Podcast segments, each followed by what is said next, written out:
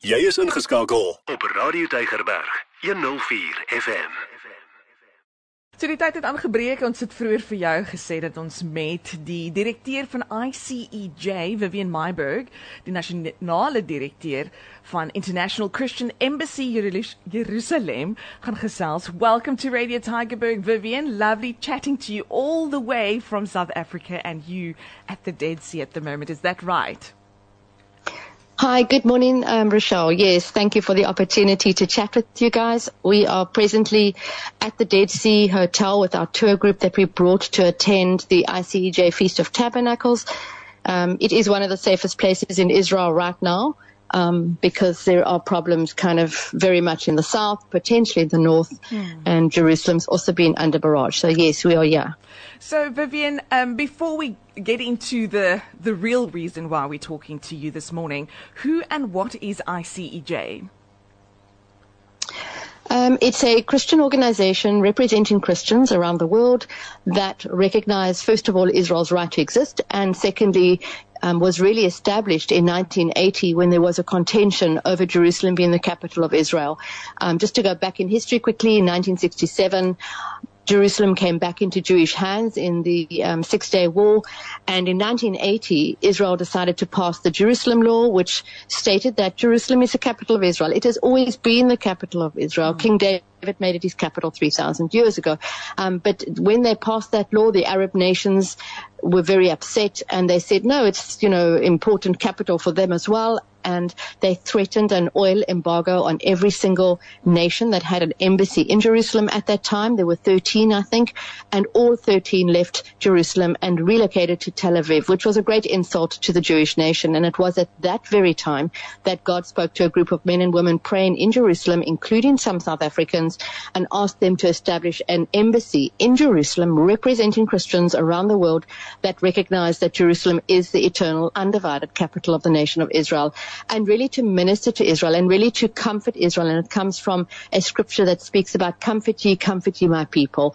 And that is really our ministry. And we do that in a very practical way because to minister to the Israeli and the Jewish nation needs to be very practical. Sure.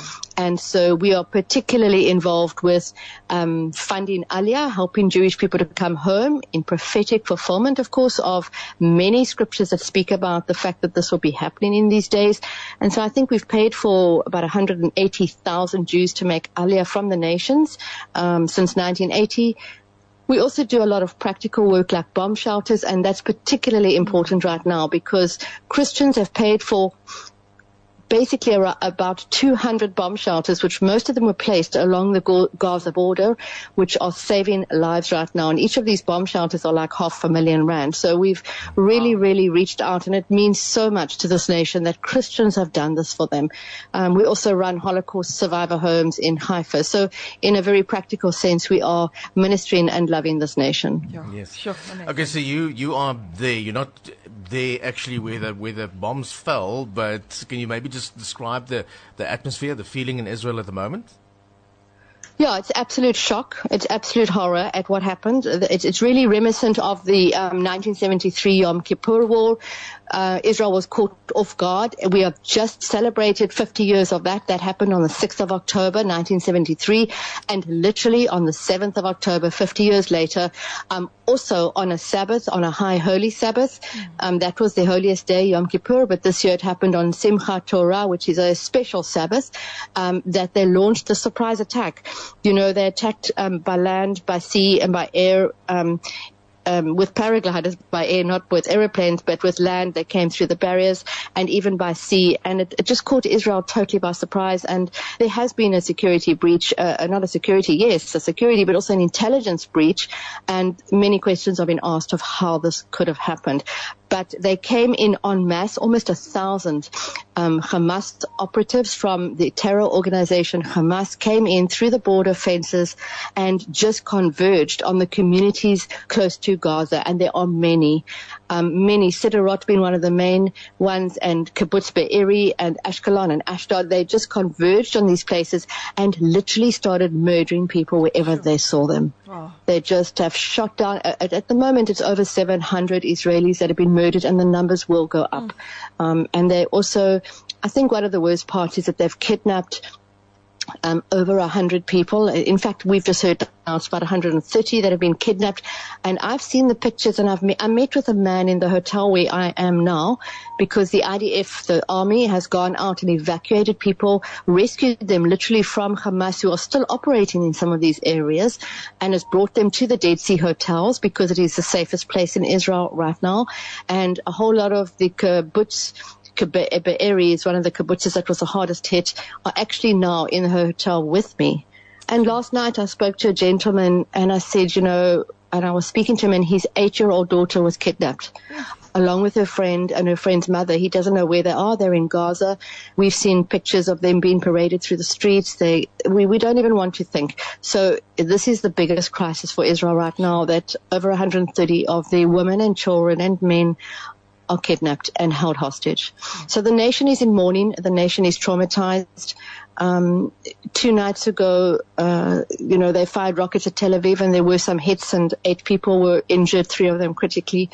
And um, Jerusalem, of course, woke up on Saturday morning to sirens going and everybody had to run into the bomb shelters. Wow. So we were fortunately for ourselves at the Dead Sea already then. We, we left Jerusalem the day before.